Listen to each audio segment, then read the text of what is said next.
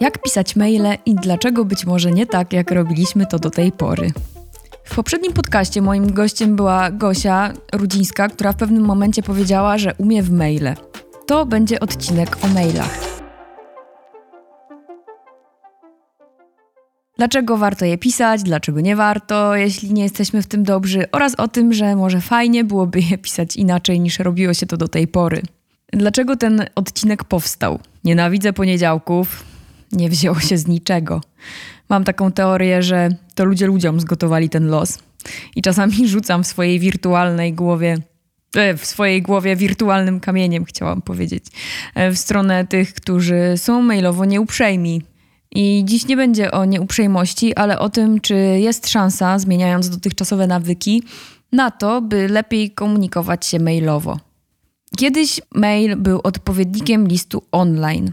Nic więc dziwnego, że zawierał zwroty grzecznościowe takie jak szanowna pani i na końcu z wyrazami szacunku. Mail był pierwszy, tuż przed MySpace'em, gadu-gadu, naszą klasą, gronem i tak które dopuszczało zupełnie inne formy rozmowy między sobą. I nie istniało to, co teraz jest powszechne, czyli hej, hej, siemanko, siema, elo na początku, a życzenie dobrego dnia na końcu, albo nieżegnanie się w ogóle niczym, tylko pozostawieniem swojego imienia było teraz, jest naturalne, wtedy nie było naturalne. I to wprowadzenie jest dla mnie ważne, ponieważ y, chciałam odnieść się do tego, że kiedyś maile pisało się inaczej niż teraz.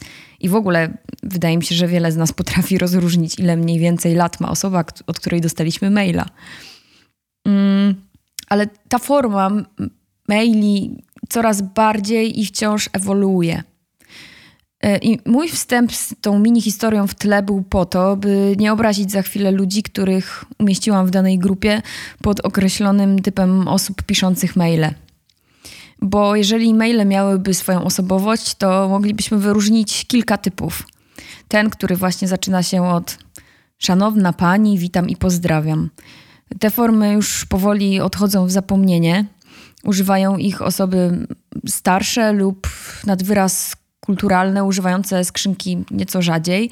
I absolutnie nie mam na myśli tego, że te formy, że ich, ich używanie jest złe. To nie jest złe, ale dla odbiorcy to jest ciężkie. Ciężkie w takim sensie, że te zwroty nie mają żadnego zabarwienia emocjonalnego. Osoba otwierająca takiego maila, widząca szanowny panie, mm, nie czuje niczego pozytywnego, czuje się bardzo neutralnie. Witam jest wręcz, nie chcę powiedzieć, że roszczeniowe, ale wzbudza od początku takie poczucie, że ten ktoś po drugiej stronie rozdaje karty i jest większy ja na przykład, jak widzę witam w mailu, to od razu mam przed oczyma takiego wielkiego pana, który swoim grubiańskim głosem mówi witam i czeka, aż mu ktoś powiesi płaszcz i pocałuje sygnet. Może wasze spostrzeżenia są inne, to chętnie bym kiedyś o nich pogadała. Drugi typ mailujących ludzi to ten, który na wstępie mówi ci Cześć, spoko, że tam siedzisz, ale podaj mi teraz odpowiedź na moje pytania, bo to jest dla mnie bardzo ważne i deadline'y są na jutro rano, więc zrób to ASAP najlepiej do godziny 16, bo sorry, ale o 17 kończę robotę, a jesteśmy tak samo zapracowani, szanujmy swój czas. Tego tłumaczyć nie trzeba. Na takie wiadomości ma się ochotę nagrać gifa z drapiącym się po policzku środkowym palcem i po prostu go wysłać. Trzeci typ ludzi to ten fajny, zdarzy się tu taka osoba, która w pisaniu maili jest, jakby to powiedzieć, kwadratowa. To są często maile ułożone, wtedy takie maile są ułożone nieskładnie, y, ale nie wrzucam tych osób do worka z napisem źle, bo wiem, że nie każdy ma wrodzoną umiejętność. Y, kiedyś pewnie przy listach nazwałabym to lekkim piórem, ale wiecie o co chodzi. Trzeba być otwarty i naprawdę się nagimnastykować, napisać w, w życiu setki tysięcy maili, żeby osiągnąć poziom pro. I chyba tak naprawdę najbardziej zależy mi na tym, że w przekazaniu tego teraz, że niezależnie od tego, czy ktoś pisze ładnie, składnie i przyjemnie, czy nie, to ludziom z tej grupy trzeba oddać to, że chce się z nimi być w kontakcie. Tak po prostu, bo mają dobrą energię. Brakuje wśród nas osób empatycznych.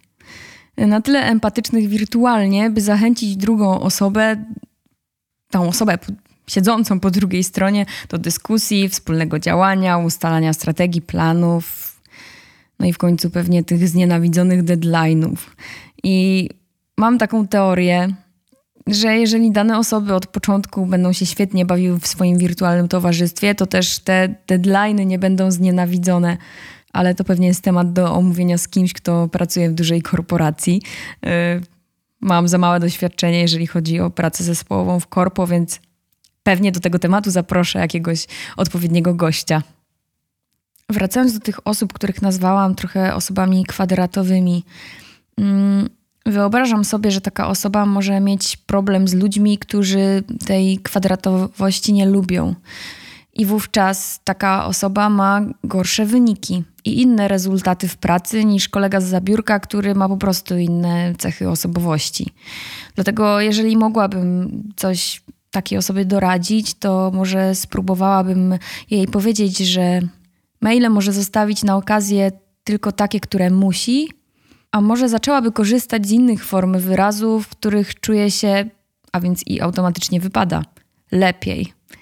Może to jest telefon, messenger, Instagram, a może po prostu spotkanie. I trudno, taka osoba poświęci dużo więcej czasu na załatwienie sprawy, ale w rezultacie przynajmniej ją załatwi. No tak, no ale te okazje musu i tak będą.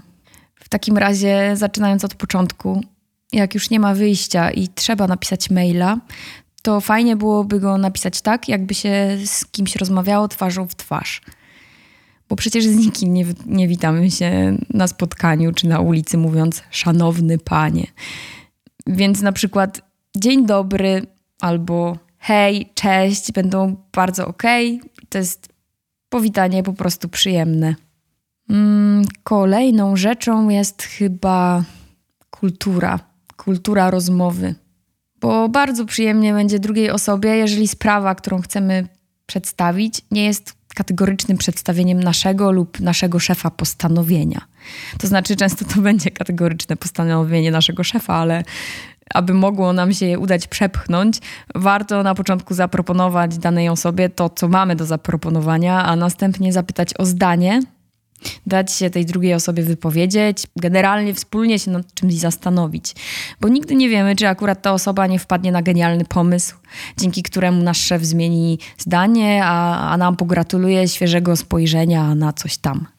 Myślę, że idąc takim tropem osiągniemy więcej i to zadziała dużo lepiej niż proszę o odpowiedź do czwartku, mam spotkanie z klientem w piątek rano. Formułowanie maili wymaga dużo pracy, ale no chyba jednak warto dać się polubić przez tą formę. Mm, pewnie nieraz mieliście w głowie taką myśl, że po spotkaniu człowieka, którego pierwszy raz widzieliście na żywo, że kurde, jaki to jest fajny człowiek. Albo odwrotnie, wydawać, wydawał się być taki fajny, a tu taka kicha. I w przypadku tego drugiego pewnie taka osoba miała lepiej rozwi rozwiniętą umiejętność komunikacji wirtualnej niż takiej na żywo, bo i tak się zdarza. Mm, no ale ten pierwszy przypadek jest bardzo częsty. Dążę do tego, że, e, że fajnie zastanowić się, siadając do pierwszego maila, nad tym, że może kiedyś spotkamy tą osobę i będzie nam miło, że zachowaliśmy się w porządku, z respektem, że byliśmy mili i przyjaźnie nastawieni. Bo ile razy zdarza się potem w życiu, że najpierw decyzje należą do nas, a potem role się odwracają. Oprócz tych wcześniejszych rzeczy dobrze jest też pamiętać, by nie żądać, nie wymagać i nie oczekiwać. Ja nie lubię, jak się ode mnie żąda, wymaga i oczekuje.